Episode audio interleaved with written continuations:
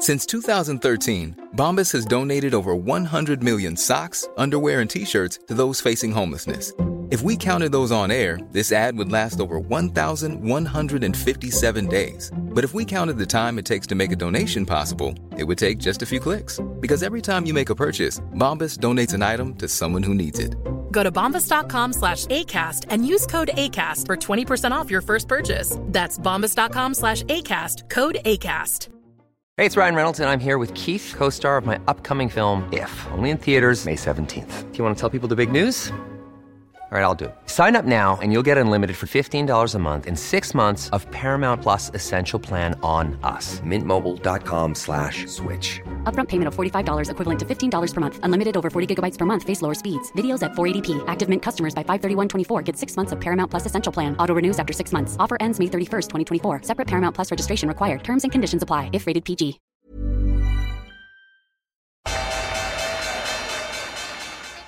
They mistook leverage for genius. Leverage for genius. I would recommend Japan. The governments don't rule the world. Goldman Sachs rules the world. Dette er episode 121 av podkasten 'Tid er penger', en podkast med Peter Warren. Jeg heter Sverre, er produsent, trygg på start og stopp og stiller noen spørsmål. Um, I dag skal vi snakke om en rekke tema, mye om markeder. Peter har noen interessante synspunkter, så jeg, jeg tror egentlig vi bare kommer rett i gang. Korte spørsmål og svar. Så vi har fått det fra en lytter som uh, sier han eier norske oljeaksjer. Og han spør, og han er i likhet med mange redd for uh, større markedskorreksjoner som vil dra alt av aksjene. Hvordan kan man hedge seg? Jeg tror jeg fjerna sa kjøpe putt på Oslo Børs, tror jeg han spurte om. Ja, det er jo, altså det er jo den, eh, den opplagte på en måte, fordi en Altså Du kan enten kjøpe en putt på, på Oslo Børs, eller du kan kjøpe på, på et eller annet annet uh, av de store markedene. Kanskje mer effektivt, men jeg tror nok at du får en putt på Oslo Børs hvis du, hvis du uh, går på de store marketmakerne. Uh, altså SEB og DNB, så får du en salgsopsjon på, på det. Altså, men, men, det morsomme er akkurat når du snakker om Hva var det han, han la Han hadde Var det oljeservice han var inne i? Olje, sa han. Ja, olje. Ok, fordi der Altså, du har jo ikke det, altså Hvis du er bullish olje, så, så trenger du antageligvis ikke å ha en, ha en putt på det. Men, men, alternativet altså Du har jo både ETF for oljeaksjer, som heter XLE, og du har en ETF for oljeserviceaksjer som heter OIH. Altså Det, det er artikkelkodene deres, og som begge har opsjoner. Og Når det gjelder OIH, da, som har disse oljeserviceselskapene, så fordi dette er en den inneholder da en rekke oljeserviceselskaper, så det blir for, på en måte en indeks av, av, det. Så er volatiliteten lavere, f.eks. en god del lavere enn f.eks. hvis du skulle kjøpt Borr Drilling eller et eller annet sånn. Bare, bare, for å ta ett eksempel, så har du lavere volatilitet i det. Og så har du effektive opsjonsmarked både i den og XLE. Men hvis det er det at du er bekymret for hele markedet skal falle, altså, da er du egentlig også bekymret for at den sektoren som som du påpeker her, altså nemlig oljesektoren, også kan bli dratt med, så kan du da Du kan gjøre det via, via Oslo Børs, for Oslo Børs har jo et voldsomt gap uh, fortsatt til de andre markedene. Um, og altså Tidligere så, så, har jeg for egen del brukt sånne gap. Jeg har brukt gap til å, til å hedge f.eks. Eh, teknologi, med å, med å, kjøpe putter på teknologi. Og, og utste, altså out of the money putter på, på teknologiaksjer. Og, kjø, og, finansiere det gjennom å utstede out of the money-putter på f.eks. SMP 500, altså Nasdaq mot SMP 500. Um, man kunne også gjøre, Men du må skjønne at du får marginkrav, fordi de, de blir ikke matchet mot hverandre. Så du får marginkrav på den shorte, short putten din. Og du skal vite hva du gjør, du skal forstå opsjoner for, for, å gjøre dette. Så de som ikke gjør det, burde ikke gjøre det. Men det kan man også kunne tenke seg å gjøre på Oslo Børs. Gjøre det samme, kjøpe putt på Oslo Børs, finansiere det nå, nå som de andre markedene i hvert fall nylig var, var ned 20% Finansiere det med out of the money putter på på, eh, på, en av de store markedene, være seg SMP 500, teknologi eller, eller, hva man vil, og så på den måten finansiere deler av den, den beskyttelsen man, ønsker. Går dette til oppsiden, så vil jo ingen av dem bli, bli, benyttet. Men hvis man er redd for at eh, nedgangen i internasjonal økonomi også skal trekke med seg oljeselskapene, som ikke er en, det, er ikke, det er ikke en dårlig tenkt tanke for så vidt, så kan man da finansiere så kan man finansiere gjennom å gjøre det på den måten. Men igjen, her, skal man ha, her må man vite hva man gjør. Ha god, god peiling på det. Um, ta f.eks. Saba Capital, som er en av de, uh, en av de store hedgefondene. Uh, de ser etter, hele tiden etter muligheter for å lage, for å gjøre dette her eh, rimelig. Og den jeg satte på i, uh, under dotcom-bølgen, den fungerte også ekstremt bra for oss. For vi, vi, fikk full effekt av putten som vi var long, på, som var da på, på Nasdaq, og som var finansiert med out of the money-putt på SMP 500. Og innen disse forfalt, så, hadde, så var ikke den SMP 500-putten den, eh, den, var fortsatt out of the money, så den forfalt verdiløs. Så man, man kan gjøre sånne ting, men ikke, dette ikke lek med, med, med, med, dynamitt og fyrverkeri uten at man virkelig har, vet hva man, man driver med. Neste spørsmål. Eh, det har vært mye omtale rundt eh, egentlig lang tid. Da, så har enkelte aviser skrevet om eh, norske investorer som får tildeling i emisjoner til fordelaktige priser, for så å selge relativt fort etterpå. Det har mange navn, det her, men det er nå det, det, som skjer. Og siste var i Flyr, og da var det spesifikt uh, Spetalen som av en eller annen grunn ble kritisert. Og uh, Så det er en som spør om hva du syns om det her, og hjelper det Flyr direkte at en sånn person som Spetalen er med i emisjonen? Um, hvis jeg tar, tar, det første spørsmålet først, da, hva syns jeg om dette? Altså, dette viser at det, er, at det norske markedet er veldig ineffisient. For som, som Sissener var, var, inne på, for jeg leste hans kritikk av dette her, og, og den gikk ikke på de som hadde de som hadde vært med i emisjonen, men den gikk på nivået hvor emisjonen var satt, og han mente at den kunne vært satt mye høyere. Med andre ord, den ble ikke da tilbudt bredt nok til at andre kom inn og du fikk en effektiv auksjon, hvor du kunne f.eks. si at 'jeg er med på dette nivået, jeg er med på dette nivået', osv. Den blir da tilbudt til en liten gruppe. Dette er det meglerhusene som velger å gjøre, bare, så det er sagt. Men Flyr er jo også med, med på dette. Så hva er det dette her ender med?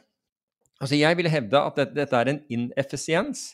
Og når folk, altså gjerne på, i de akademiske institusjonene, forteller at markedene er, er effisiente, så er dette et godt eksempel på hvorfor de ikke er det. De er ikke effisiente. Det er ikke effisient hvis hvis det er slik at du kan gjøre ting på denne, på, på denne måten og garantere nærmest gevinst. Men det, det som Altså, jeg vil jo Jeg har på mange måter sympati for det, for det eh, Sissener sier, selv om jeg har ikke forsøkt å verdsette Flyr i, i, det hele tatt. Men hvis det er slik Det virket som en, var det ikke en 40% rabatt? Virket voldsomt. Men det er ineffisient hvis det norske markedet er slik at hvis man tilbyr f.eks. Uh, Flyraksjer å delta i denne emisjonen, og ingen av de store, ingen er interessert i å være med, men det forutsetter at, at, at, man får greie på det. da.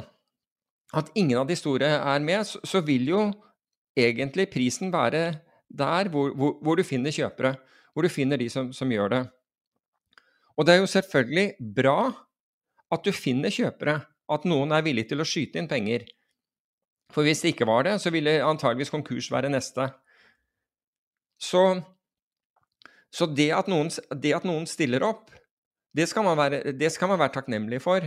Men det at det er hele tiden en Altså, det, det er en ineffisiens som gjør at en liten gruppe får gratis penger om og om igjen.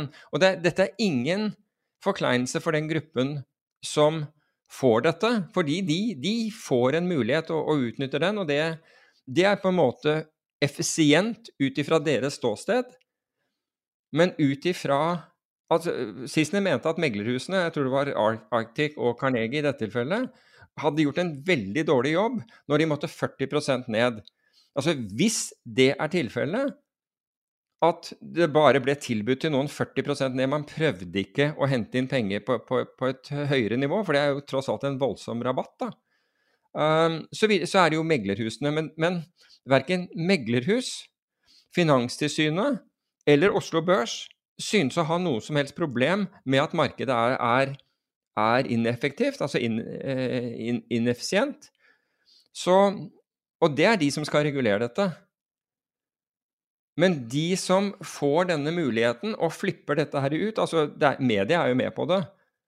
Fordi de skriver jo da at disse har fått kjemperabatt og hele greia. Altså av en eller annen grunn, til tross for at historien viser at disse dumper da aksjer så fort de kan, de aller fleste av dem i hvert fall, dumper aksjer så fort de kan, så fort de får en gevinst på det, så går folk inn og kjøper.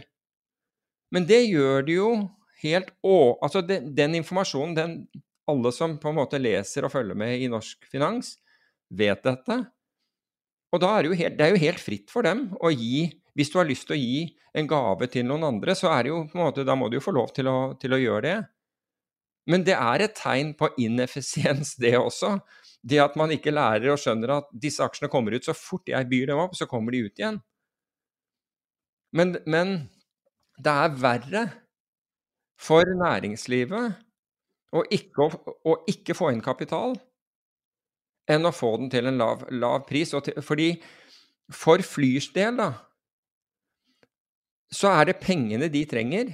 De trenger å få, eh, å, å, å få dette kapitalinnskuddet.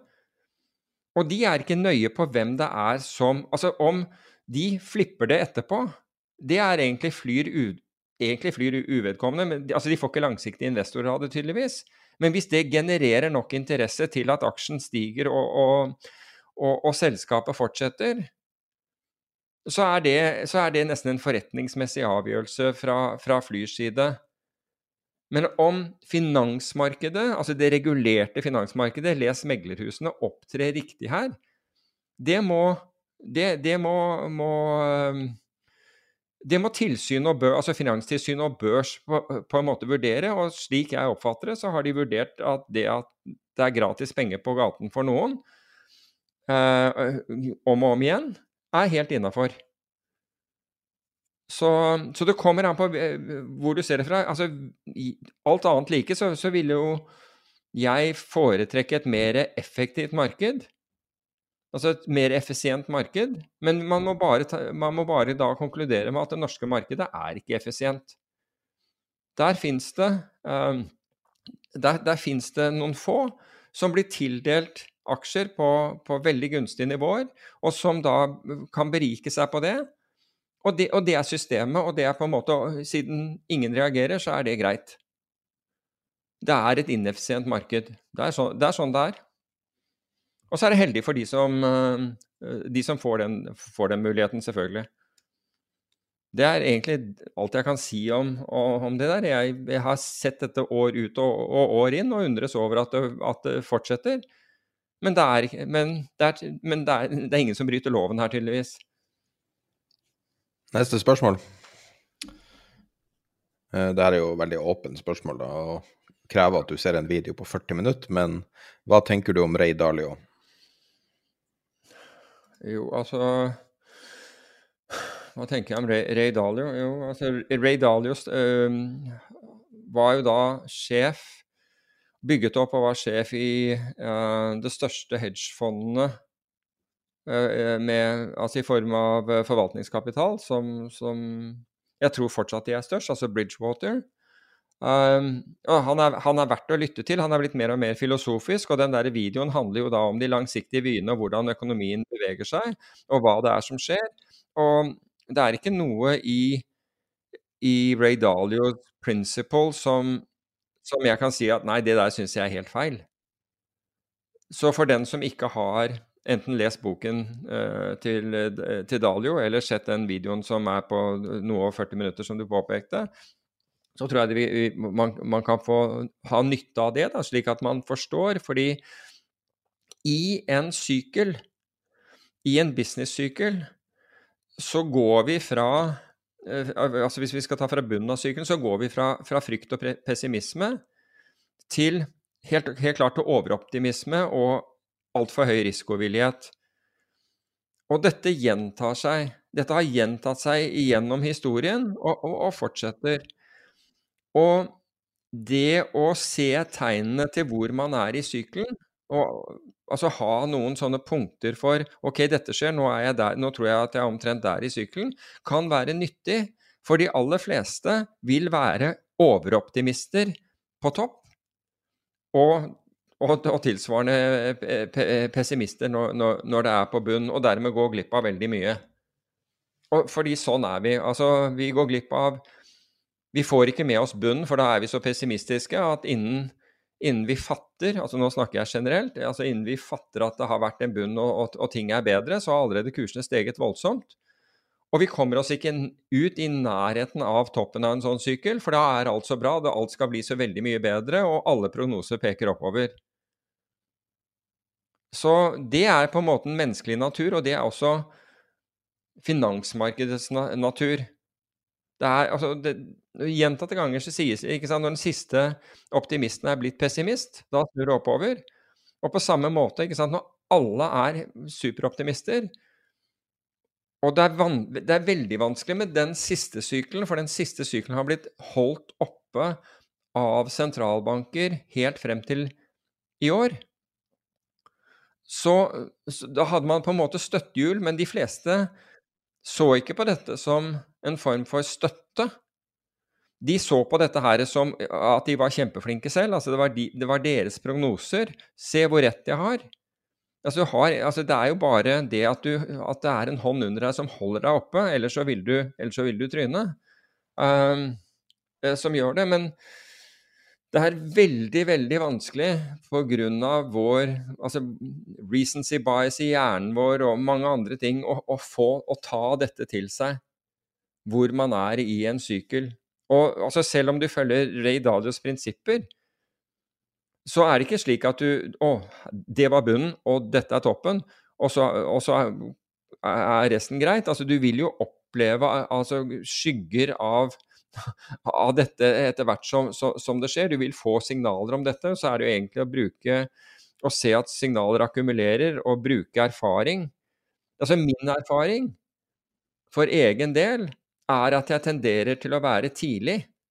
Og, så jeg må legge bånd på meg selv, fordi jeg ser ting utvikle seg som enten er positivt, altså i en nedgang, eller er negativt i, i, i en oppgang, og tenderer til å være for tidlig. Og i Norge, hvor børsen ofte lagger i, i 50-67 måneder etter det som skjer internasjonalt, så er det enda mer smertefullt. Fordi du kan se at f.eks. utenlandske markeder faller, men så fortsetter Oslo Børs. Og da stiller du jo enda mer spørsmål til deg selv. Ja, men da, Oi, tar jeg feil nå? Men så ser du tilbake igjen at nei, men alle disse tingene skjer i økonomien. Alt dette negative. Ja, men hvorfor i all verden stiger Oslo Børs videre? Og så begynner du å tvile på deg selv, og så er det selvfølgelig aller fleste har en eller annen god forklaring på det, fordi de lever av at dette, dette går oppover. Og så plutselig og, og, og, så, og, så, plutselig lukkes dette gapet, da. Men, uh, men, men, jeg Altså, det korte svaret det, det, korte svaret Jeg kunne egentlig bakt dette ned. Jeg tror Ray Dalio tilfører Har tilført og fortsetter å tilføre verdi til, uh, til, til markedene og forståelsen av markeder. I forrige episode så nevnte du high watermark i, hen, liksom i hen, henvisning til um, uh, hedgefond. Kan du forklare hva du mener? med Ja, altså high watermark altså Hedgefond uh, har da to forskjellige uh, hva skal jeg kalle det, forvaltningshonorarstrukturer. Honorar, to forskjellige honorarstrukturer som, som, benyttes samtidig, bare så det er sagt. Den ene er at du betaler forvaltningshonorar, sånn som du gjør til et aksjefond og, andre. Et årlig forvaltningshonorar. Det andre er at du betaler en andel av, eh, av eh, gevinsten som skapes. Slik at Og den har vært typisk 20 men den, den er for veldig mange fond nå, nå, altså i gjennomsnitt nå, så er vel den noe sånt som rett under 15% av verdistigningen. Ok, så la oss si at, at uh, fondet ditt har, har, doblet seg. Ikke sant? Så du har en altså, Egentlig så har det gått opp 100% da, altså, da har forvalteren rett på 15% Det er noe som tar, tas ut årlig, bare så man vet det. Tar ut da 15% av det går tilfaller forvalteren. Greit nok. Men så kan du si at dersom Så high watermark det, nå, altså Hvis du ikke hadde high watermark, og fondet ditt falt i verdi. Så la oss si at fondet ditt halverte seg. Men året etter der så det, hadde han en ny fantastisk oppgang. Hvis du ikke hadde hatt high watermark, så hadde da forvalteren tatt eh, et, et suksesshonorar for den samme avkastningen to ganger. Altså hvis den gikk opp, gikk ned, og så gikk opp igjen, så har den for første, den første turen oppover så har han fått uh, suksesshonorar. Så faller markedet, så går det opp igjen, og så tar han da i, i realiteten uh, suksesshonorar for egentlig den samme avkastningen som er skapt. Det er uten high watermark. High watermark skal da sørge for at du må over den forrige toppen for at suksesshonorar på nytt kan beregnes. Så det sikrer at du ikke skal betale uh, suksesshonorar for den samme avkastningen to ganger. Og det var også det jeg går ut fra at dette spørsmålet kom etter, etter, at jeg forklarte Melvin Capital og, og Gabe Plotkin, fordi han ville gå fra det. Han, han, ba å Han ba sine investorer om å, å, å slippe high, high water-marken etter at han hadde tapt. Og det falt i veldig dårlig Det ble veldig dårlig stemning av. Så han ga opp det, og så tapte han jaggu enda mer penger. Og da stengte han fondet. Og jeg tenker jo at han bl.a. stenger fondet fordi han ser at det er for langt opp. Altså han, han har tapt over 50% av pengene fra toppen, og da må han, da må han ha 100% avkastning. Og det har han da tydeligvis ikke det, det, det å bare få, få, årlig honorar, det er tydeligvis ikke nok for han. Da han, han mener at han skal, ha, han skal, ha, med, så da bare legger han ned fondet. Og det er ekstremt umusikalsk. Det har vært gjort i Norge også. Men det er ekstremt umusikalsk, føler jeg. Altså, I finanskrisen så, så, så, skjedde dette her i, i Norge også med, med, med, med flere fond ekstremt umusikalsk. Men jeg kan i samme, eh, mens jeg nevner dette, så kan jeg også fortelle om en norsk forvalter som absolutt ikke ikke, ikke, benyttet den muligheten. Og det var, det var Tor Svelland, som vi har, eh, som vi har hatt på uh, intervjua på podkasten. Fordi han hadde, han hadde, to fond. Han hadde et annet fond som var forvaltet av en annen forvalter. Og det fondet gikk ikke bra. Det tapte pengene sine. Og, og det Svelland gjorde, var at han tilbød alle investorene i det fondet å gå over i hans hovedfond. De, de, kunne ta pengene og gå, de kunne gjøre akkurat som de ville, men hvis de gikk over i hans hovedfond, så ville ikke de betale noen eh, forvaltningshonorarer til han hadde tjent inn de pengene igjen, hvilket han også gjorde. Så han, så han gikk liksom helt litt utenom, altså fordi det fondet kunne jo blitt nedlagt, og det andre fondet som, som Svelland selv uh, forvaltet, gikk jo bra. Så han kunne jo egentlig bare blitt kvitt det problemet, men isteden så ville han gjøre investorene whole ved at han da ga den muligheten og tjente, inn, og, og tjente pengene tilbake igjen. Og jeg tror at på sikt så er det så utrolig mye bedre at man, at man opptrer på den måten, ryddig og ordentlig enn For det andre føler jeg er å, er å, lure investorene. Du legger ned fondet, og så venter, du, så venter, du, seks måneder eller et år, og så starter du et nytt et i håp om å få inn penger. En av de forvalterne som gjorde dette i, eh, i 2008, han hadde tjent vanvittige suksesshonorarer på, på, på norske pennystokk som var belånt. Han forsøkte å starte, jeg tror det var så sent som fem år eller seks år etterpå, men da, ga, da fortalte prime-brokeren at, at, det ikke fantes investorer som var interessert. Så, så han ble straffet av, av investorene. Han han ble styrtrik, men han ble, men han ble, straffet av investorene. Og, og fikk ikke anledning til å, til å, starte opp. Eh, det var ingen som ville, ville, ville satse på ham.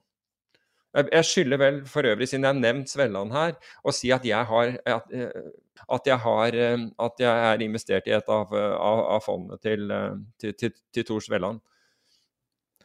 Supert. Da er neste spørsmål. Hvordan kan vi få årets laveste strømpris på fredag når olje- og gassprisene fortsatt er så høye? Ja, det, det, kan jeg forklare. Fordi det er, er på grunn av rett og slett sol og vind i Tyskland. Det har vært veldig mye sol og vind i Tyskland, og det har senket da prisene. Men, men, vi, men det, det, er årsaken til at vi fikk den nå, og rett og slett at strøm gikk den andre veien. De, de, har, rett slett, eh, de, har, de har rett og slett overkapasitet i Europa. Men så har du noen andre faktorer. Men hvis jeg kan bare korrigere, fordi spørsmålet er når, har, når olje- og gasspriser er fortsatt høye, ja, det er de for så vidt, men gass, bare så vi tar det, gass er ned på året. Um, og det er ikke så, så, mange som har fått med seg, er at gassprisene faktisk har falt. I, i Storbritannia er de ned 4% på året, og i Europa, Eh, altså uh, tyske eh, Dutch, holdt jeg på å si, nederlandske, er, som, er, som, er, gassmarkedet for, for, i Europa, de er ned 5% i år. Så der er faktisk gassprisene lave. Det som er høyt, er kullprisen. Den er opp 150% i år. Og kraftprisen er opp 112% i år. Og det, er, det har vært forbedringer i markedet. Blant annet har nå svenskene Jeg har jeg klaget over det i en podkast hvor den, den, kabelen som går mellom NO1 og husker ikke om det er RS3 eller noe sånt, men i hvert fall den kabelen som går til Sverige fra, fra, fra østlandsområdet, da, der har når svenskene har trengt kraft, så har vi blåst over kraft. Men de har da, når, når Norge har trengt kraft, altså når, måtte importere kraft, så har de bare vært villige til å sende rundt en tredjedel av kapasiteten på den kabelen tilbake. Nå har svenskene uh, tydelig ombestemt seg på dette, eller så har Norge trykket på. Nå tenker jeg norske myndigheter i, i, i første omgang. Slik at den nå den sender nå vesentlig mer uh, gass Unnskyld, ikke gass, men, eh, men eh, kraft. Tilbake til, eh, tilbake til, Norge. Altså Det er tre ganger, tre ganger så mye så, som den har gjort. Så vi får inn mer, kraft. Um, og så er det blitt en forbedring. altså Både, både Sverige og Danmark får, inn, får økt vindkraft, og det, og det, samarbeidet med Norge er blitt bedre. Men man har, også, også, man har redusert eksporten til jeg tror det er til Nederland gjennom den nederlandske kabelen. Og i denne uken eller, eller neste så, er, så, stanses en av kablene som går til Storbritannia. Uh, på, jeg går ut fra det er vedlikehold, for det er ikke tatt noen beslutninger om at uh, man ikke skal eksportere kraft mer til, uh, til, til, til, Storbritannia. Men det har, det har skjedd ting underveis her, og det gjør at vi kan midlertidig se at dette faller. Og det operative ordet her er midlertidig, fordi været blir ikke så bra uh, fremover nå. Slik at uh, vi hadde en mulighet uh, en mulighet nå i, i helgen, og da, da, da gjaldt det jo bare å, å, å, gjøre og liksom all, Alle de tingene du kunne tenke deg å bruke strøm til, ble, ble, ble utnyttet til, til, de grader. Um, og, og, og, fullt forståelig, altså når man til og med blir betalt for kraft, men det går lenge mellom hver gang. Men jeg snakket med, med Arnfinn Brede i, i, Glitre, som er på en måte en av de virkelige eh, ressursene våre som bruker tid. Jeg hadde en, en uh, conference call med han på var det lørdag, tror jeg det var. ja, lørdag, sånn, Enten var det fredag eller lørdag i en, en, en time, times tid, og som gikk gjennom dette her. Men, men altså konklusjonen det er, to, det er, jo to, konklusjoner. Altså, ville vi hatt lavere kraftpriser dersom vi ikke, ekspor, ikke eksporterte? Å, åpenbart ja. Åpenbart ja.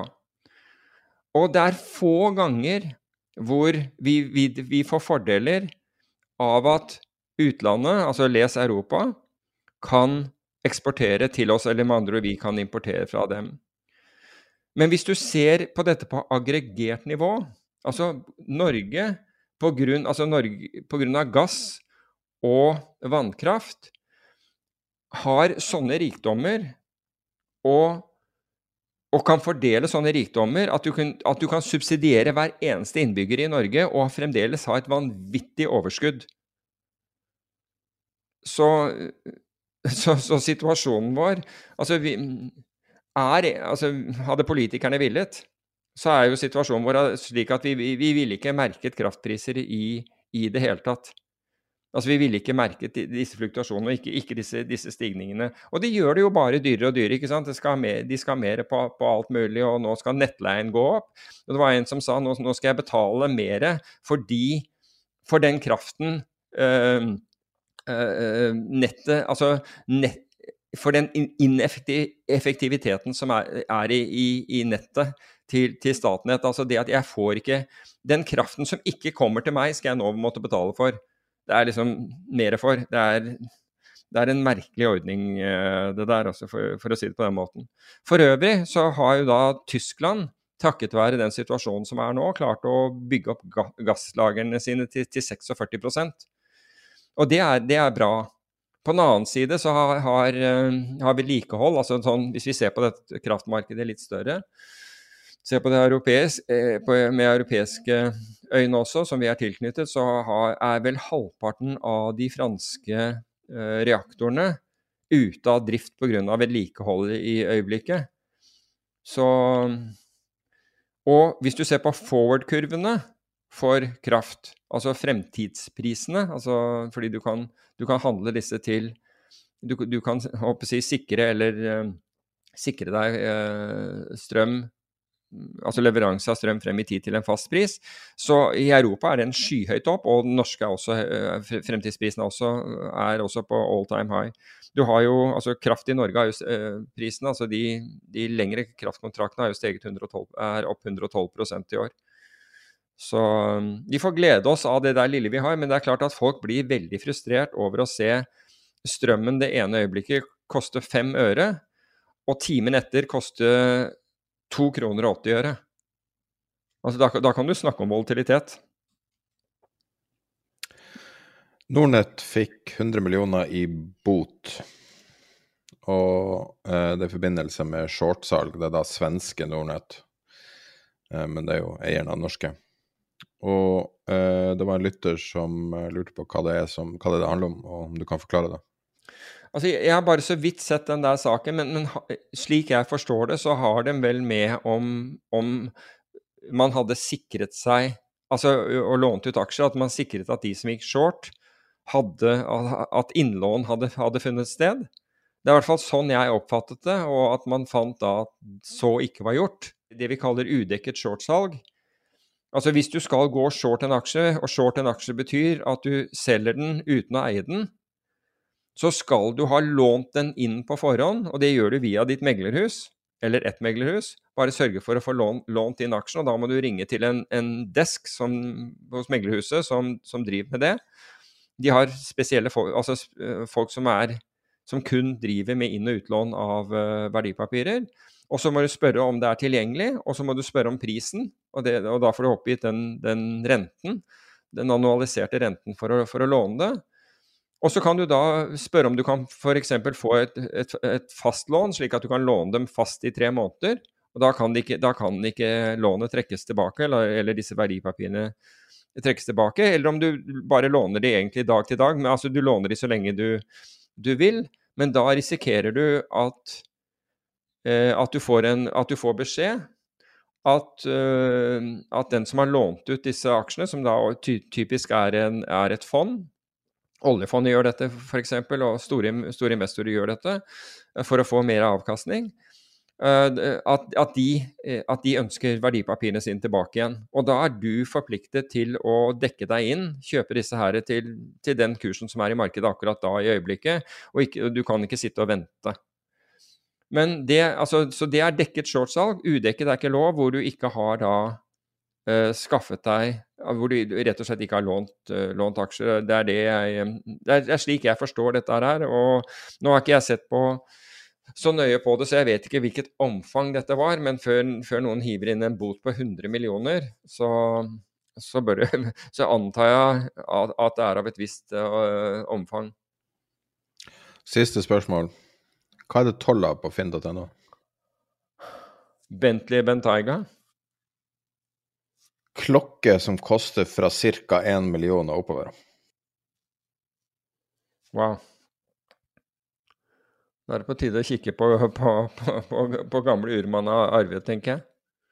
Virkelig. Jeg tenker mer at uh, det er nok en del uh, folk som har uh, levd på grensa til over evne, som nå er over evne. Eller ja. kanskje det alltid er Det er 12 000 jo, men klokker til salgs. Det, så kan vi jo også, Nå har vi jo fått altså Nå blir vi jo tipset, men vi skal, er, vi skal jo ikke nevne navn. Det, det, det, skal vi ikke gjøre. Det, det får, får pressen drive med. Men vi blir jo tipset om kjente investorer som, som i øyeblikket sliter med, med, med, belåning av verdipapirer som de ikke får solgt. Um, og i ett tilfelle så blir vedkommende bedt om å, om å selge fordi, for, for, å frigjøre, uh, for å frigjøre cash. Og det betyr at det betyr rett og slett at aksjen falt ned til neste nivå, hvor, hvor, hvor han fikk ny margincall. Og, er nå, eh, altså ut ifra det jeg forstår, er teknisk konkurs. Og dette er en som har hatt en portefølje på, med over en milliard i verdipapirer. Um, så enten så, så bør solen kom, begynne å skinne igjen, eller så, eller så dette, vil nok dette være et problem som raskt dukker opp i avisen, for å si det på den måten. Uh, ja. Jeg har egentlig et uh, til spørsmål for å lede inn i uh, neste tema. Eller første tema, sånn sett. Er du bull? Eller er du bullish? Jeg hater jo det der uttrykket i utgangspunktet. Uh, men, men, du kan si at for Altså, de, de, siste par ukene så, så syns jeg at vi har sett tegn, positive tegn i, i markedet. Og jeg har en sånn screen som jeg har satt opp som følger med noen risikoparametere. Um, og de har etter hvert begynt å, å, å Og de har, de har, liksom snudd fra å være veldig negative til, til, til, å bli langt mindre negative, for å si det på den måten. Men jeg kan gi deg, liksom, men jeg kan gi deg et hint om hvordan jeg tenker og setter opp uh, slike ting. Hvis du skulle tatt én faktor som hvis du skulle nevnt én faktor som, som, har påvirket børsene negativ, kanskje, negativ, kanskje den viktigste faktoren, hva ville du ha brukt da? altså Tatt i betraktning teknologiaksjer og det som har skjedd der. Helt riktig. Nettopp. Og hvor så vi det først? Akkurat der hvor du sier vi så det som da kunne bli negativt for aksjemarkedene, det så vi først i rentemarkedene. Og rentemarkedene er veldig profesjonelle markeder, de er, bare så det er sagt, sammen med valutamarkedet. Det jeg har fulgt med der, er Move-indeksen. Og Move-indeksen er for renter, i hvert fall statsrenter i USA, det samme som VIX-indeksen er for SMP 500. Så Move-indeksen den volatiliteten gikk voldsomt opp i amerikanske rentepapirer. Altså, tenker, altså volatiliteten på opsjonene til f.eks. amerikanske tiåringen, toåringen, femåringen og 30-åringen steg kraftig frem til begynnelsen av mai. Rundt 5. mai så toppet Move-indeksen. altså Den hadde en topp i mars, og så toppet den på nytt i, i, um, i, jeg tror det var 5. mai. Og så begynte den gradvis å gå ned etterpå. Og det fikk min oppmerksomhet uh, rettet mot, mot dette. Så, så, har vi hatt den andre, andre, faktoren som har vært ganske mye omtalt, og det er fallet i japanske yen og stigningen av dollar. Og den, også, også dollar igjen, snudde ned eh, tidlig i mai. Så nå har du enda en, en eh, faktor. VIX-indeksen den toppet egentlig Jeg tror den hadde den høyeste den, i, i, mars, tidlig i mars, og hadde da neste topp i begynnelsen av mai. Rundt 9. mai. Til tross for at kursene falt mer, og til, til tross for at markedene var, var lavere, så øh, så så vi at, øh, at folk var ikke villige til å betale mer for, for forsikring.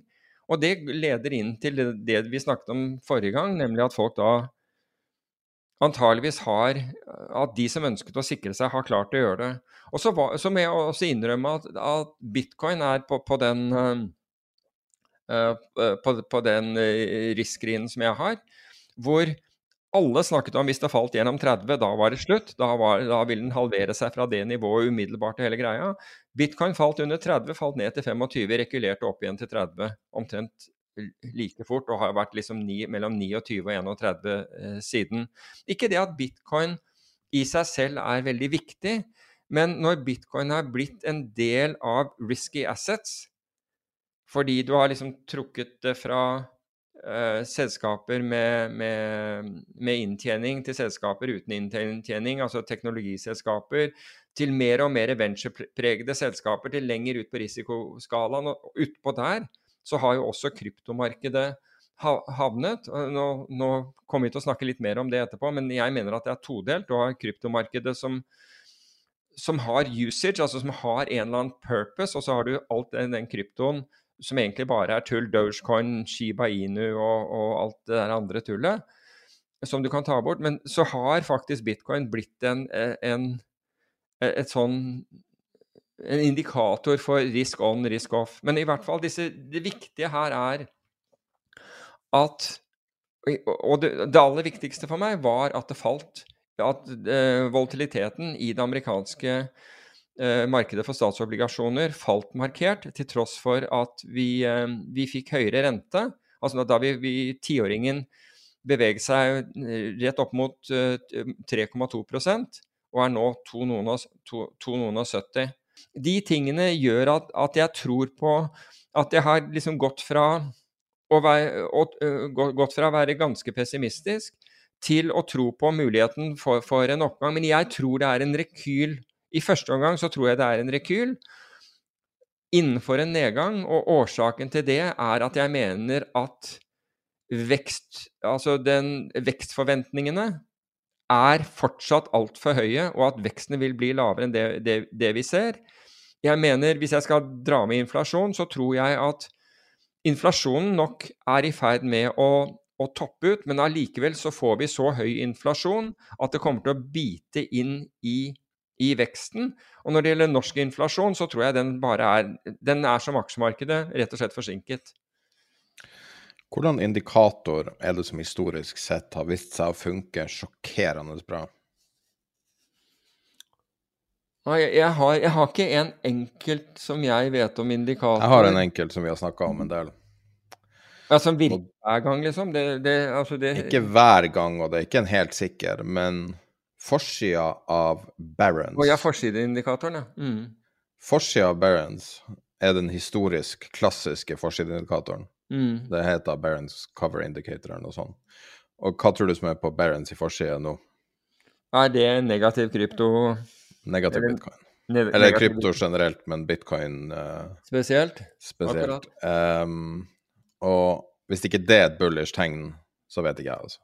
Mm. Og da, da tar jeg bort all synet på verden og alt mulig det er ikke 100% for det finnes andre folk uten at jeg har ikke lyst til å navngi folk på sånne her ting, hvem som er kontrære indikatorer, men det finnes enkelte personer som er veldig gode kontrære indikatorer, mm. som eh, jeg og du har snakka om flere ganger. Um, på, på kåle bunner og kåle topper. Det er spesifikt to personer jeg har brukt som ja, men de, de med, men, men de, har gjort det med motsatt fortegn? ikke sant? Ja, altså, motsatt, altså kontrær. Altså det at de blir positive, gjør at du skal være negativ, eller at de ja, blir krakilsk. Og det at de blir veldig positive, gjør at du skal være Nei, altså eh, hovere veldig. Mm. Og um, han, han, ene har ikke slått til enda, men jeg vil si Barents forsida med bitcoin, big deal. Ja. Jeg er enig i det. Den, den kan nok være en sånn en. Så altså, min greie er at det vil være At det, det er godt mulig at det vil være risk on en liten stund nå. Og, og hvorvidt den, den, varer eller ikke. Altså, jeg tror jo fortsatt at, at, det er såpass mange faktorer der ute som må, må, som må, bearbeides, for å si det på den måten, før du kan få noe varig. Men, eh, men det er jo hyggelig å få uansett å få et, et pusteopphold. En annen ting som er generelt bullish, eh, hvis man ser på markedet mer generelt, så er det Eh, flowen inn i aksjefond er positiv nå for første gang på en stund. Oi, er den blitt det? Altså i USA? Ja, det er um, Men det, den har jo vært kjempenegativ nå i lang tid. Definitiv Lipper som Ja. Uh, så det var 4,61 milliarder i positiv inflow. Uh, mm. Første ukelige inflow siden 6. april. Og helt sånn anekdotisk så husker jeg at uh, i finanskrisa i 2009 så husker jeg snakka med en av sjefene i DNB Market, så han sa at um, den perioden, akkurat i starten på 2009, når finanskrisa bunna ut, så var det den, uh, deres uh, rekord på nye kontoer. De hadde altså opprettelsen av nye tradingkontoer. Og man bruker ofte å omtale retail som dumme investorer og dumb money og sånne ting. Men min erfaring er at retail er ganske flink til å um, forstå at noe er verdt mer. og ofte minst like god som profesjonelle investorer. I noen tilfeller så har jeg i hvert fall observert at massen er ikke så dum som man skulle tro. Nei, altså det kan godt være. Jeg har, jeg har ikke sett så mye på re, Altså, jeg har sett disse negative retail-flowene. Uh, um, men når, når, du sier Altså nei, nei, det kan godt hende. Fordi altså, min påstand er jo at massen av investorer i Norge, altså hvis du tar flertallet av dem, er investerer i fond. Og etter hvert så tror jeg de aller fleste har søkt seg mot indeksfond. Men, men, mange har nok aktive fond også. Uh, men du kan si at det har vært sagt så mye om det at jeg tror de fleste har begynt å søke seg mot indeksfond. Og hvis du har søkt deg mot indeksfond i Norge, så er du tett oppunder all time high på Oslo Børs i øyeblikket. Så alt det vi har snakket om, om nedgangen med 20% og alt det der som har skjedd i Europa, som har skjedd i USA og, og andre steder, har da, har da ikke berørt deg finansielt, men antageligvis litt psykologisk, men ikke finansielt fordi du har vært i, i indeksfond. Men samtidig så leser du da Altså, vi nevnte jo den, den, den, eh, denne ene investoren som, eh, som er en kjent størrelse med en veldig stor portefølje. Men det er jo ikke bare den. Vi leser jo om mange andre investorer som er ned 40-60% i år. Og det, det, er ikke noe krise for dem, fordi mange av de som er, er ned, har kjempestore uh, formuer, så det er på en måte ikke Eller det er, det er sikkert et problem. altså er du ned, Har du plutselig fått halvert eh, verdiene dine på, et, på, på, fem måneder, så tror jeg nok du, du, Og dette er verdier du har bygget opp over kanskje 10 år, 15 år, 20 år. Så tror jeg nok at du, du syns det er er, bedrøvelig, for å si det på den måten. Men teknologiindeksen, altså OBX teknologiindeks, er halvert fra toppen halvert. Og dette har skjedd mens OBX 5, altså, som består av de 25 største selskapene på Oslo Børs, den vanlige OBX-indeksen, da er på nær all time high. Så jeg tror at det som skjer nå, er på en måte en redistribusjon av verdier, av velstand. Dessverre går den jo ikke utenom aksjemarkedet, fordi de som, altså de som lider mest i samfunnet, de får jo ikke noe, noe ut av dette. Fordi de sannsynligvis ikke har veldig mye aksjer annet enn gjennom kanskje pensjon. Og da får vi håpe at pensjonen er, er eh, At pensjonsforvalterne er i, i, indeksfond fremfor at de driver aktiv forvaltning. Mm. Jeg er ikke sikker på at det virkelig stemmer, men i hvert fall der hvor det er eh, Jeg kan si uh, litt tall. Jeg bare sjekka et mm. tall som jeg husker. Nå klarer jeg ikke å huske om det var 50 eller 80 Det var kanskje 85 milliarder kroner som Skagen hadde på det meste, husker du det? I 2010. Nei, jeg husker ikke, men de, det var voldsomt. Og nå er det 66. Eller 2020 66. Nei, vet du hva, da, da, da, tror jeg Skagen hadde enda mer, fordi jeg tror at det er, det er godt under halvparten av hva de opprinnelig hadde. Men nå, skal, nå må vi også huske at Storebrand har kjøpt Skagen i mellomtiden. Og om de har liksom flyttet Skagen-penger over i sin forvaltning og sånt noe, det vet jeg ikke. Men uansett, poenget mitt var ikke det at hva de hadde tapt, men at det fortsatt var ganske stort. Selvfølgelig, 66 milliarder er ikke så stort som det var i 2010, men, um, men det er fortsatt uh, litt penger. Ja, voldsomt.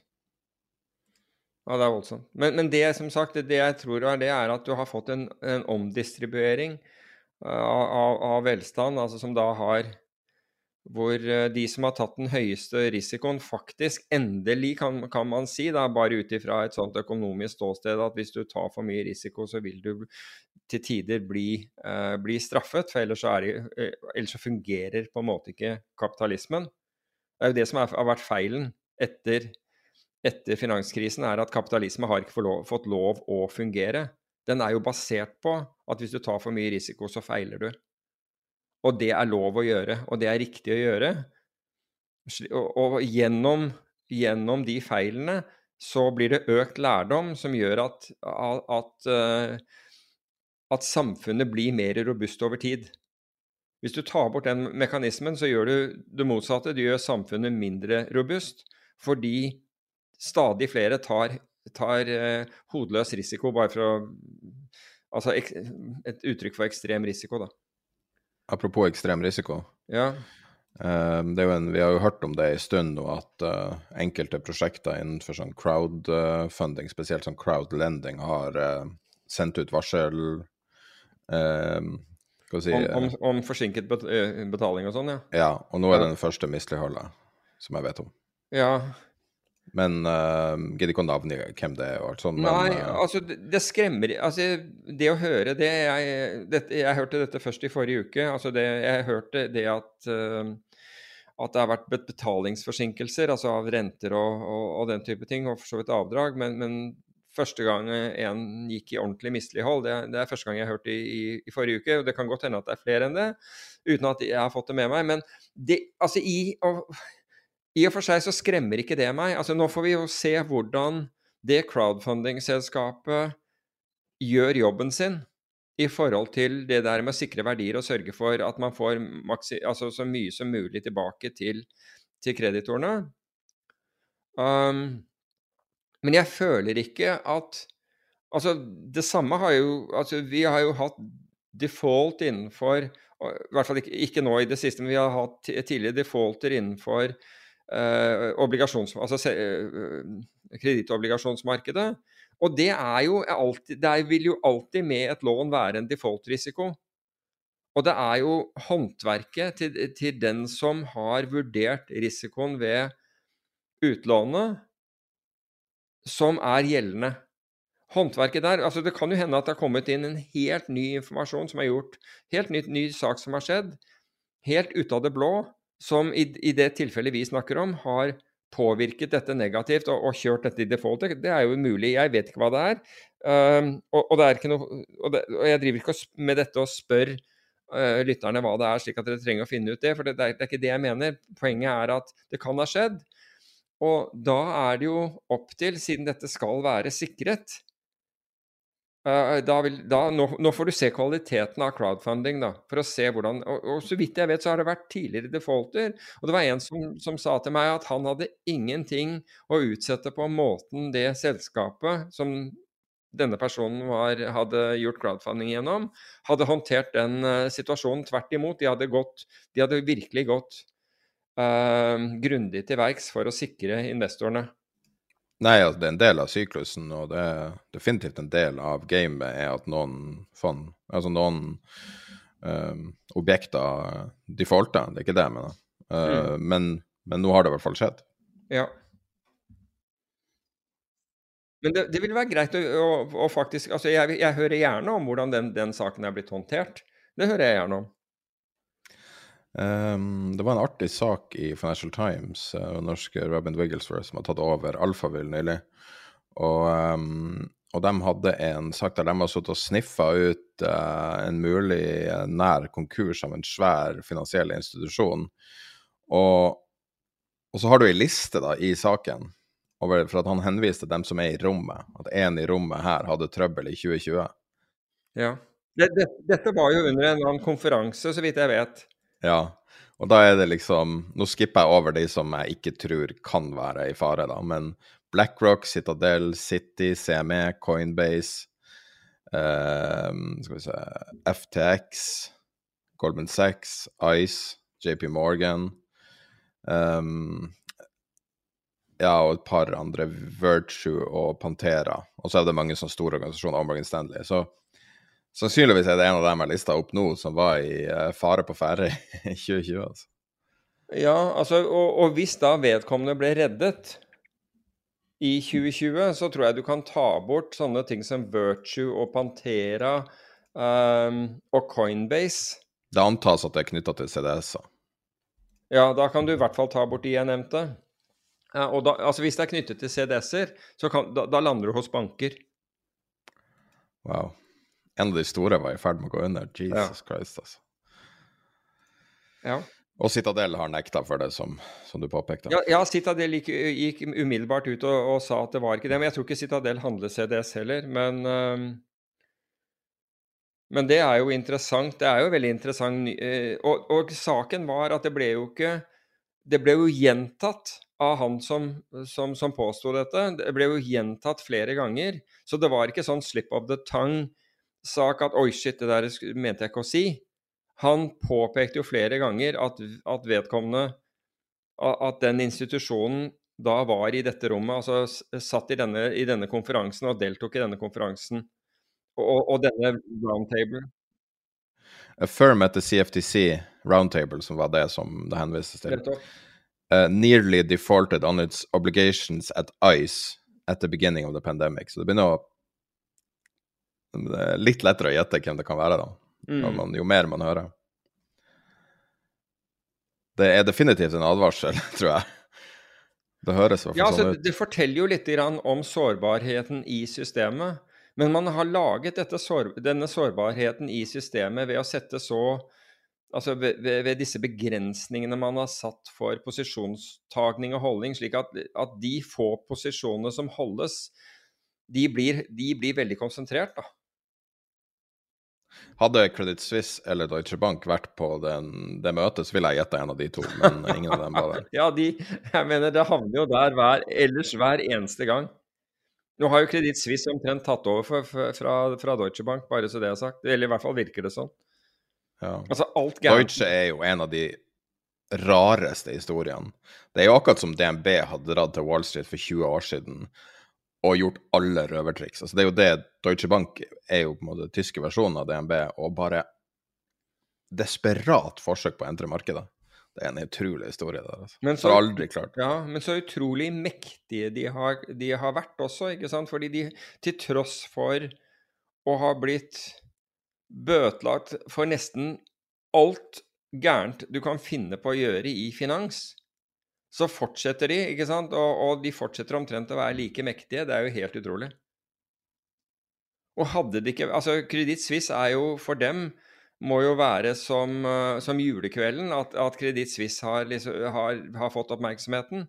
For ellers så hadde jo all oppmerksomhet var jo stadig rettet mot Deutsche Bank. Hver gang det var noe gærent, så kunne du med stor sikkerhet si at de var med, om, om ikke Lead. Altså, det her er jo, det er jo gammel altså, det er jo gammel historie sånn sett, når det er to år siden. Ja. Men tenk deg nå på uh, den um, det klassiske Deutsche Bank-problemet som er å, å, bære på den enorme boka de hadde, som var så kjent. Altså mm. alle de derivatene, den eksponeringa. Ja. Og det var jo mange år det skjedde. Altså det, det her var jo ikke et problem som var over over natta. Sånn at et selskap som er en av de fem-seks jeg nevnte, det er nok fortsatt et et reelt spørsmål. Men hvis det er et selskap som Jump Trading eller Virtue, så er det nok et mindre strukturelt problem. Det er ikke de to, for de er ikke borti CDS. Ja, Det vet du vel kanskje ikke? Vet nei, de gjør ikke det. De er algoritmer Nei, det er, altså, det er ikke CDS altså, CDS-er handles ikke algo. Det er fortsatt eh, et, et, et uh, telefonmarked. Da er det City, Morgan Stanley, DRV, Virtue, JP Morgan DRW? Nei, de er også marketmakere. OK. Citadel, City, Morgan Stanley, JP Morgan, Goldman Sachs. Det er basically dem som var i rommet uh, under um, i, Var det i 97, når de, uh, når de måtte baile ut uh, LTCM, minus de to som nå er borte? Ja, er. Pluss ja, plus, UBS Var UBS der? Hva? Jeg visste ikke at UBS var der. Å oh, jo, jo, de var store. Bank America uh, var der. Um, det var mange flere. SockGen. Ja. ja, ja. Men det er jo et legendarisk møte der um, uh, det at Det går jo gjetord om at Jeg lurer på om det var Bear Stern som ikke ville være med på den uh, bailouten, og muligens Lehmann også. Og ti år seinere så måtte de betale med å ikke bli baila ut. Ja, det var vel Lehman, tror jeg. Jeg mener at det var Lehman som nekta og, og, og delta Det er fint at ryktet kan bety noe. altså, du kan si Altså, ja. Altså, bailouten, det, det, var jo å, Det var jo New York Fed. Hva het han igjen, da?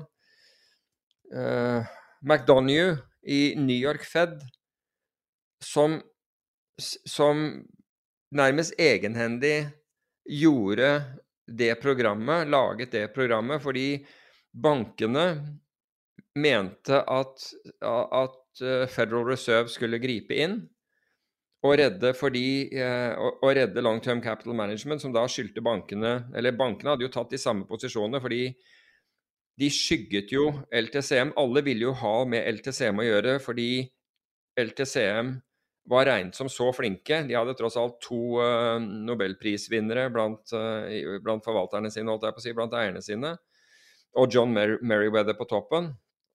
Men så kom bankene i problemer eh, pga. eksponeringen, og så mente de det. Og da var det McDonough hos New York Fed som kalte inn til et møte og sa at bankene hadde laget denne, denne røra, var, var, var, det bankene selv som sto for. Og de fikk ordne opp i det. Og de fikk allokere og gjorde helt klart at Fed var ikke med på det, men, de, men Fed organiserte det. Og bankene gjorde det. De hadde ikke noe valg. Og det syns jeg var en, en, en, bra løsning på, på, et, uh, på, et, problem som egentlig aldri skulle vært der. For det var jo tross alt bankene som hadde tillatt denne belåningen som de hadde. Var ikke det Paulsen som var der for Goldman? Eller var det før Paulsen? Oh, det husker jeg ikke, men Goldman gikk inn og lastet ned alle posisjonene til long term capital. Når ting smalt, så ville Goldman ha fullstendig oversikt. Dette er veldig godt dekket i boken til å, Hva er den heter, da? You When Genius Failed av Roger Løvenstein. Var ikke det først prøvde de å selge til Warren Buffett? som var nær å ta over, og sa nei. Ja, det er riktig, og så kommer. Goldman inn, og så sier de vi vil se på posisjonene før vi gjør noe. Så laster de ned posisjonene, og så sier de fuck off. Og så kommer New York Fed inn. Jeg tror det var den rekkefølgen. Jo, fordi, fordi traderne hos Long Term Capital sier i hvert fall at at Goldman kommer inn og begynner å laste ned posisjonene, og samme dag så begynner de å se disse posisjonene forverre seg i markedet, nemlig at, at, at, noen eksterne begynner nå å selge på disse posisjonene som de har. Og traderne hos Long Term Capital reagerer med en gang på det, og det er, og, og det er Goldman som frontrunner da posisjonene til, til, Long Term Capital. Altså Det er jo ikke ulikt det som Goldman gjorde med Archegos, da. Nei. Dette, de har gjort det mange ganger. Ja, altså, de, man, de, gjorde det jo i finanskrisa også. Ned, med... altså Bankene setter seg ned for å bli enige om hvordan de skal gjøre det. Og mens de sitter der sånn, så tømmer Goldman ut eh, sin risk. Ja. Nei, det er jo I Silicon Valley har man et veldig stygt ord for å beskrive det som, eh, det som skjer, men at eh, det er om å gjøre å, eh, å fake interesse for for, et oppkjøp eller investering for å bare tømme all eh, IP-en ut av selskapet. Ja, helt og Goldman er flink til det.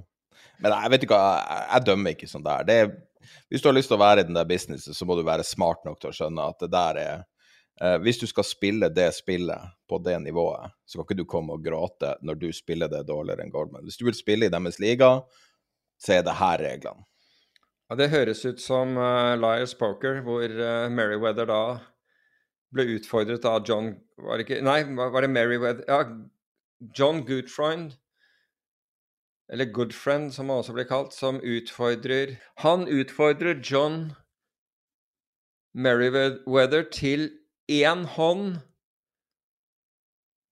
er det én hånd én million dollar eller et eller annet sånt, eller én hånd 100 000 dollar eller et eller annet sånt på, på Liars Poker, hvorpå Meriwether svarer da altså ti ganger det beløpet, no tears. Og da sier da John Goodfriend altså sier da at uh, you are crazy, og, og går til Meriwether. Så Meriwether vinner den uh, si, vinner, vinner, ikke hånden, for den blir, blir ikke gjort, da. Men uh, det var liksom for å teste hvor, hvor tøff var var John Merriweather.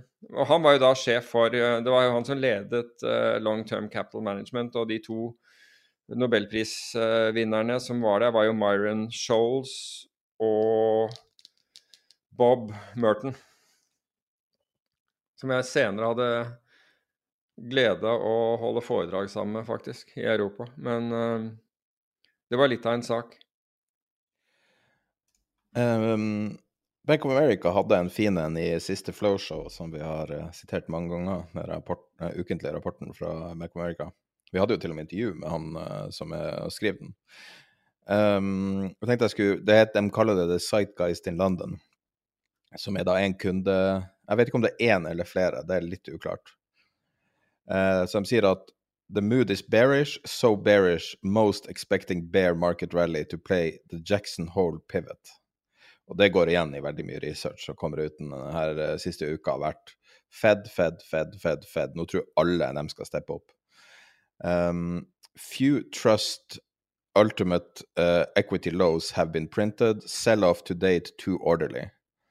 Og det er jo det vi har snakka om også, med at folk vi, vi, ser ikke så mye frykt. Conviction in stocks low, but bigger in commodities, where super spike oil view gain ground. Views on yield curve split. Two thirds says recession plus stock crash equal flattener, while one third says parallel, parallel move high on QT. Yet to begin. Many feel US economy will be tough uh, to slow down and that any recession won't be a nominal one.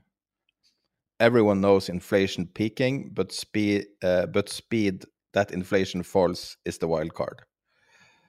Uh, lots of chatter on what drives Fed pivot, terminal rate uh, could be 2.5%. Uh, limited chatter on Russia, Ukraine and China. Det er interessant. Ja, ja men det er, det er, sånn oppfatter jeg det også. A few things ECB uh, can hike aggressively.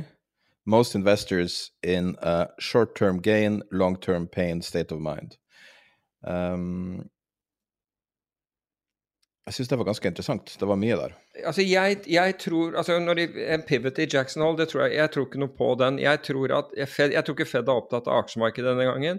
Og jeg tror at Fed kommer til å fortsette å trekke inn likviditet. Så de som håper på QE, det tror jeg ikke noe på. Ikke nå. Jeg tror ikke at, at, at det er et uh, alternativ. Og det kan være fordi ting har vært såpass orderly som det er nå, men jeg tror at de ønsker å, innskrenke likviditet, og det ser vi i reverse, uh, reverse repo også. De drar ut likviditet av, av markedet. Nå snakker jeg ikke om, om uh, daglig likviditet i, i, aksjer, men likviditet i banksystemet totalt sett. Så jeg tror ikke at Fed kommer til å gjøre det, men jeg tror at kombinasjonen av av høy inflasjon. og Det kan være da at, at den har piket, da, men, men, det er ikke så viktig. Men den er fortsatt høy. Den høye inflasjonen og det at vi ikke har tatt inn over oss lavere vekst, for det, det, det ser jeg ikke i, i, i, tallene. altså Jeg ser det ikke i prognosene. Så jeg syns prognosene på, på altså vekstanslagene er altfor høye. Så den kombinasjonen der tror jeg gjør at Og er, jeg tror det er den du ser bl.a. i obligasjonskursene Nemlig at obligasjonskursene i hvert fall har bundet ut uh, for, for, en stund. Behøver ikke å være for alltid, men, men, i hvert fall for en stund. Men det kommer til å gjøre Fed mindre aggressiv på, på renteoppgang. Så Derfor så tror jeg ikke på altså når, når, jeg, jeg, tror ikke målet med altså det, det man har anslått tidligere, hvor renten skal ligge ut året, det tror jeg ikke på. Det, altså det kan jo komme en situasjon hvor, hvor, Fed begynner å senke eh, renten igjen, til tross for at inflasjonen er, er høy. Men da tror jeg det er pga. at veksten, altså vekstutsiktene har blitt endret. Fordi de må være forward-looking. Men Fed har jo effed up til nå. Så det å stole på at Fed get it right herfra ut, det Altså da da føler jeg at du stoler på det som er minst sannsynlig. Han har, eh, vår ja. mann tidligere i FOMC, har sagt ja til å være med på en ny samtale for å kunne snakke litt om uh, denne type ja. psykologien. For å, uh, så hvis det, hvis det, er ønskelig, så kan vi ha han med en gang uh, i juni. Ja, altså Det som er interessant med han, det er jo å høre tenkingen til Fed. ikke sant? Altså Det er jo fra en som har vært på innsiden. Og den er jo, etter min oppfatning, avslørende for, for hvordan Fed fungerer. Så får man mene hva man uh, vil om det. Men en ting vi glemte i sted, og det var uh, da, da, du var inne på dette med bitcoin, hvorfor det Altså med, med bullish news rundt, rundt bitcoin. Og, og, det er Det vi har sett i det siste, da, det er jo faktisk at Goldman, JP Morgan og BNP Paribas har, har tvert, de har økt sine investeringer, ikke innenfor bitcoin, men mot blockchain under denne kryptoslampen, altså under den nedgangen som har vært. Så mens det har skjedd, så har de faktisk gått inn og puttet mer penger inn i det. Og eh, JP Morgan og BNP de handler nå øh, statsobligasjoner med hverandre gjennom altså Når den ene trenger å låne og, og så, så, videre, så gjør de det gjennom tokens over the blockchain, fremfor sånn som det har vært gjort tidligere. Og hvorfor? Altså, du kan tenke deg hvorfor i all verden gjør de det på den måten? Jo, fordi da fortsetter de å ha the asset, altså med andre ord eh, statsobligasjonene, sin egen, i sin egen balanse. Og det er en fordel. Så det, altså en token blir da en, det vi kaller på engelsk en IOU, IOU altså jeg skylder deg, uh, for, på, da, uh, på, på, da, disse obligasjonene. Men man slipper å ta, uh, ta, obligasjonene ut av balansen inntil man da eventuelt mener å overføre dem. Og de har funnet ut at det er en mer effektiv måte å gjøre det på.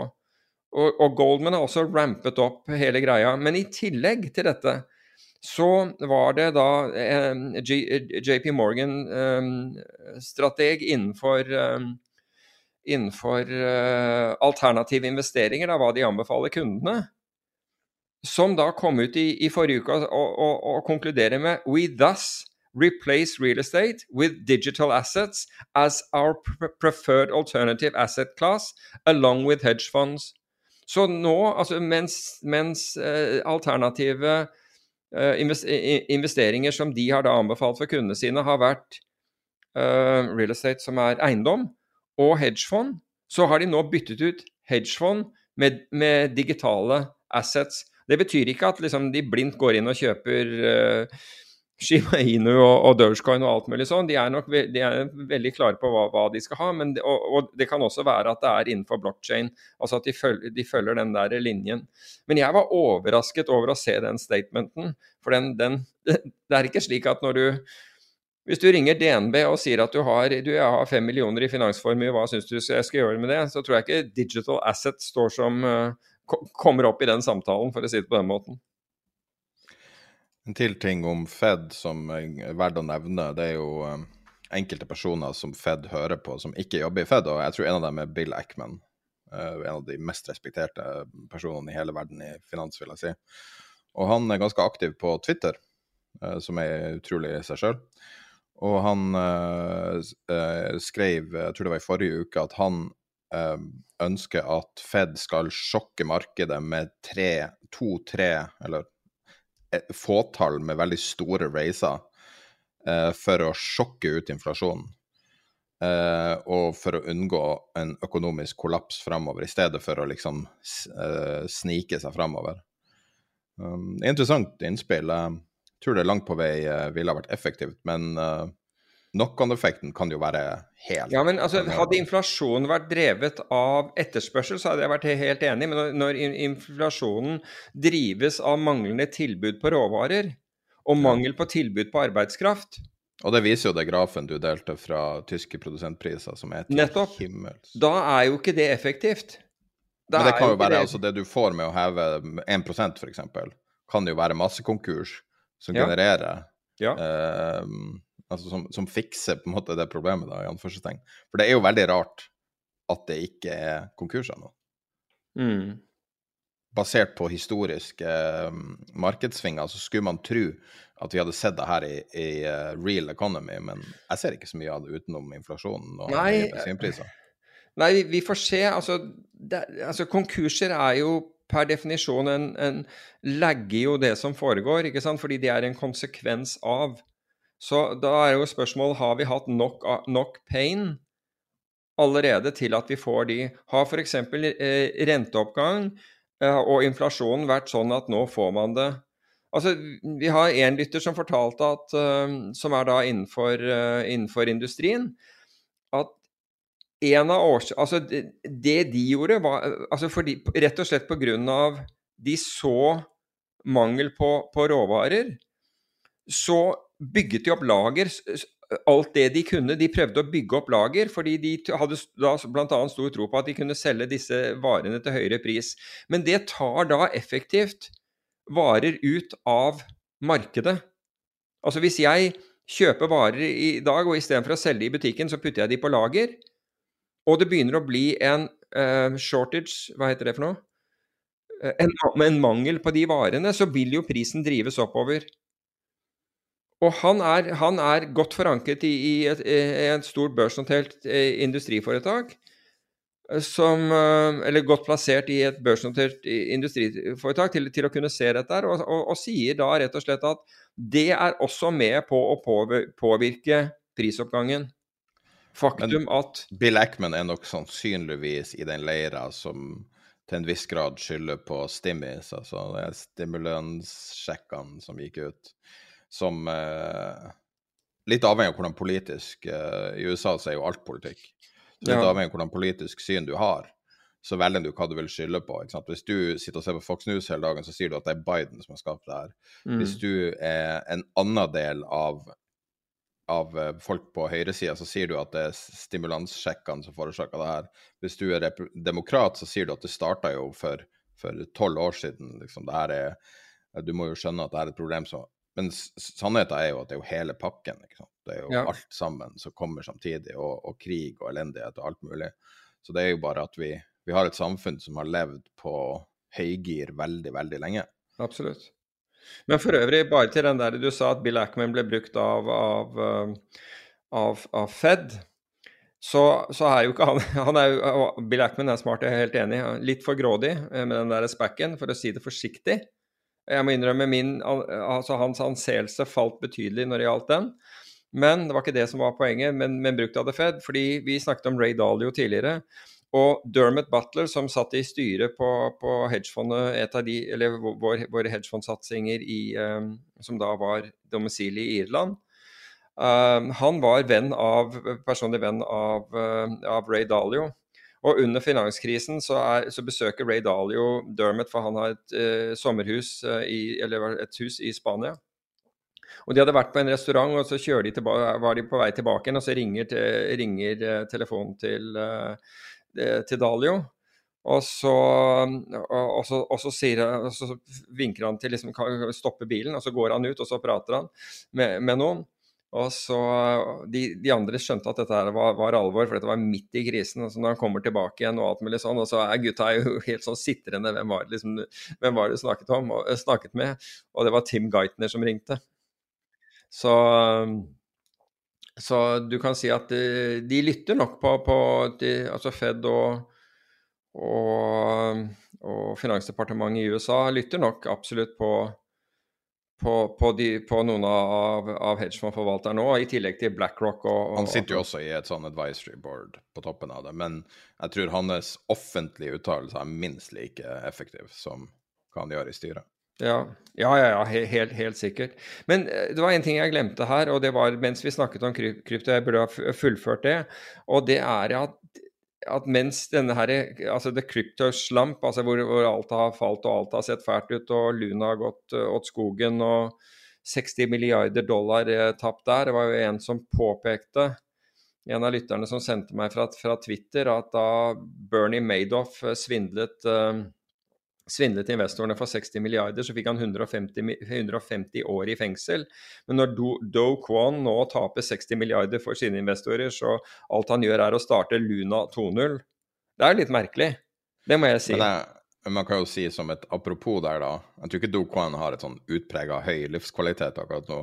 Han har uh, Altså, de har blitt uh, forsøkt angrepet i hjemmet sitt, og han har en pris på hodet sitt. altså Fytti helvete, det må være skummelt å være ja, det, altså, det har jo gått så mye penger i det der at det er helt Og du aner ikke hvem det er. ikke sant? Det er jo alle på jorda som har trodd på det og tapt. Altså Når folk taper 60 milliarder, da er livet ditt i fare. altså. Dessverre. Jeg lurer på om en av disse her norske uh, som, uh, som nevnes å være i uh, Å virkelig være i en dårlig situasjon nå, kan ha vært fordi vedkommende har også vært inn i det markedet. Om, om vedkommende kan ha vært, blitt dratt med av det. Jeg håper jo virkelig ikke det. Men, uh, men Dessverre dette... er det en del nordmenn som var det. Jeg har hørt forskjellige tall. Jeg har ikke klart å finne tallene, så vi har ikke gått ut med noe. Men det er flere enn du skulle tro. Ja. Jeg, altså, jeg aner ikke. Jeg, altså, akkurat dette Luna var jeg aldri var jeg aldri borte. Men det vi ser, da, altså til tross for alt dette, så, så hentes det for tiden inn penger til Altså i, i, innenfor krypto, altså både WC innenfor krypto, henter inn penger. Altså det er jo helt merkelig. Altså, altså det, det, er stabil inngang av penger, og vi snakker om 100 millioner dollar til 8 milliarder dollar valuation. Vi, vi, vi fikk jo se en hel serie i det siste uh, hvor, hvor, det, hvor, det, ble hentet inn betydelige beløp på, på, på, på høye verdsettelser. Så, og derfor så vil jeg da påstå nok en gang at, det, at kryptomarkedet minst er delt i to. Og den ene delen er da den, den delen hvor um, som bare har drevet med tull og tøys og, og memes og vært spøk og hele greia. Og da, der har folk puttet inn penger. Og hvis du, tar, hvis du putter penger i en spøk som, som Elon Musk har kommet, som han har bakket opp under så, altså, Og det er rett og slett bare en tull. tull. De som har laget valutaen, sier at det, det var ment som en spøk. Altså, Da kan du liksom ikke gå hjem og grine etterpå. Men på den annen side, hvis du har, hvis du har liksom forsøkt å følge der hvor det er nytte, og der hvor, hvor man mener at, at uh, dette med krypto skal, altså, og, og, digitale valutaer skal ha en misjon og en forbedring av, av, det eksisterende og gjøre faktisk nytte for seg, riktig eller galt, men liksom hvor, hvor det er hvor, hvor det er uh, målsetting og, og, og hensikt, da, er det, der, er, altså det er et todelt marked der, og det markedet ser ut til å, til, til å klare å hente altså Mens aksjemarkedet har problemer. Aksjemarkedet i Norge har, har, så problemer at du må dumpe en emisjon med, med 40 under, under, kursen for å hente inn noe. Men kryptomarkedet i USA de klarer å hente inn på høye, for, fortsatt klarer å hente inn på høye valuations. Da er jeg ikke helt sikker på hvilken er det mest effisiente markedet, det må jeg, det må jeg jo si. For øvrig eh, kan jeg ta, kan jeg ta det som jeg syns er virkelig um, det beste, altså ukens sitat. Altså, per, og dette er sagt av Robert Hughes. Perfect confidence is reserved for the least talented.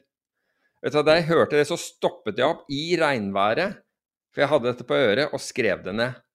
Det er ikke alltid så lett når det dundrer ned med regn og, du, og, og, og det regner på, skjerm, på, på skjermen på mobiltelefonen din. Men det er ikke det sant. Altså de mest De som har de som, de som fremstår med høyest tillit og selvtillit i være seg aksjemarkedet eller andre steder, det er, det er, faktisk de som har minst. De er, det er de som har minst, altså. Så jeg, jeg syns i hvert fall det der var veldig godt sagt.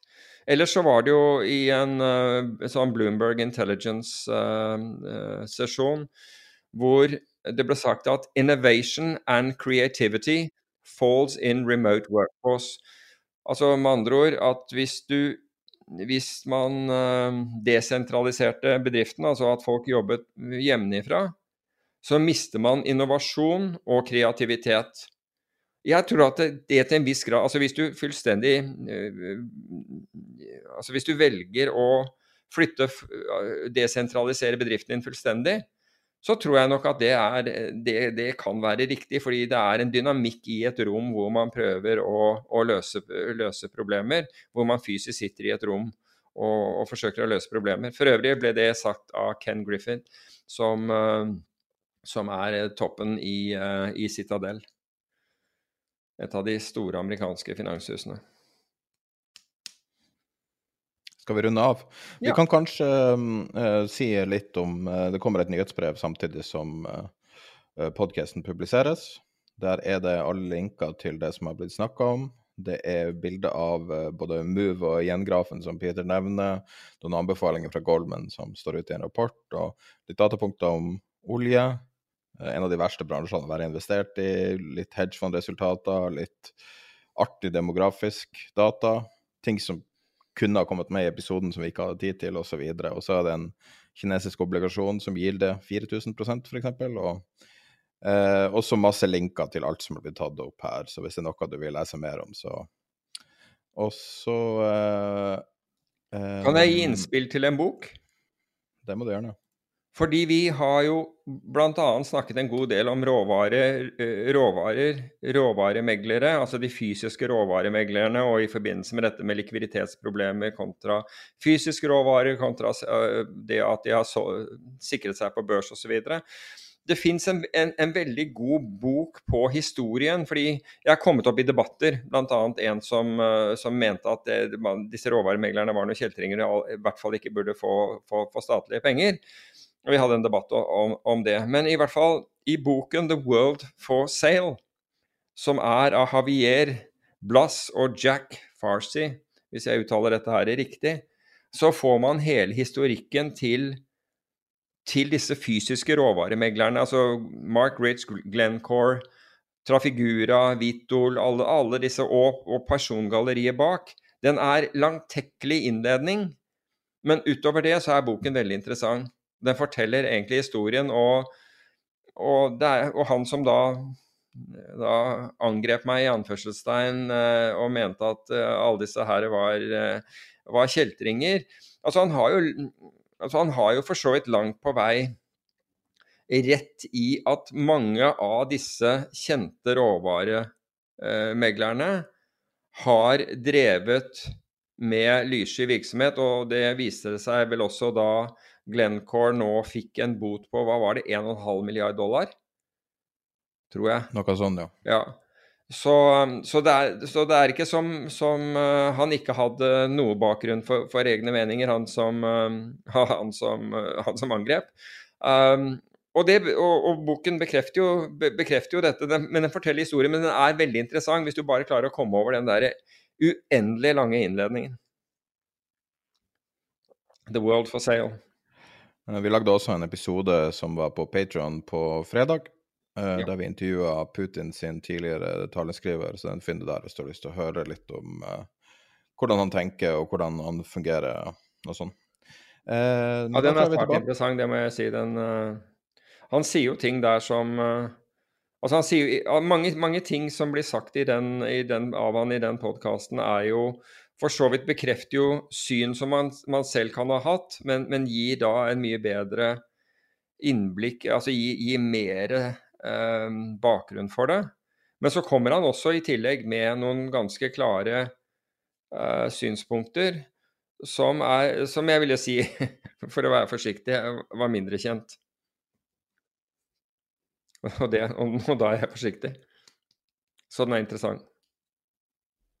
Den finner du på tiderpenger.no skråstrek Patrion, eller gå i menyen der det står det Patrion. Det er en betalingsmurtjeneste vi bruker, der vi, alt vi lager ekstra, legges inn der. Men da er vi tilbake om ei uke med neste episode. Eller hvis noe skjer i mellomtida, legger vi en ekstra episode på Patreon. Why don't more infant formula companies use organic, grass-fed whole skim? Why don't more infant formula companies use the latest breast milk science? Why don't more infant formula companies run their own clinical trials? Why don't more infant formula companies use more of the proteins found in breast milk? Why don't more infant formula companies have their own factories instead of outsourcing their manufacturing? We wondered the same thing. So we made ByHeart, a better formula for formula. Learn more at byheart.com. Planning for your next trip? Elevate your travel style with Quince. Quince has all the jet setting essentials you'll want for your next getaway, like European linen, premium luggage options, buttery soft Italian leather bags, and so much more and it's all priced at 50 to 80% less than similar brands. Plus, Quince only works with factories that use safe and ethical manufacturing practices. Pack your bags with high-quality essentials you'll be wearing for vacations to come with Quince. Go to quince.com slash trip for free shipping and 365-day returns.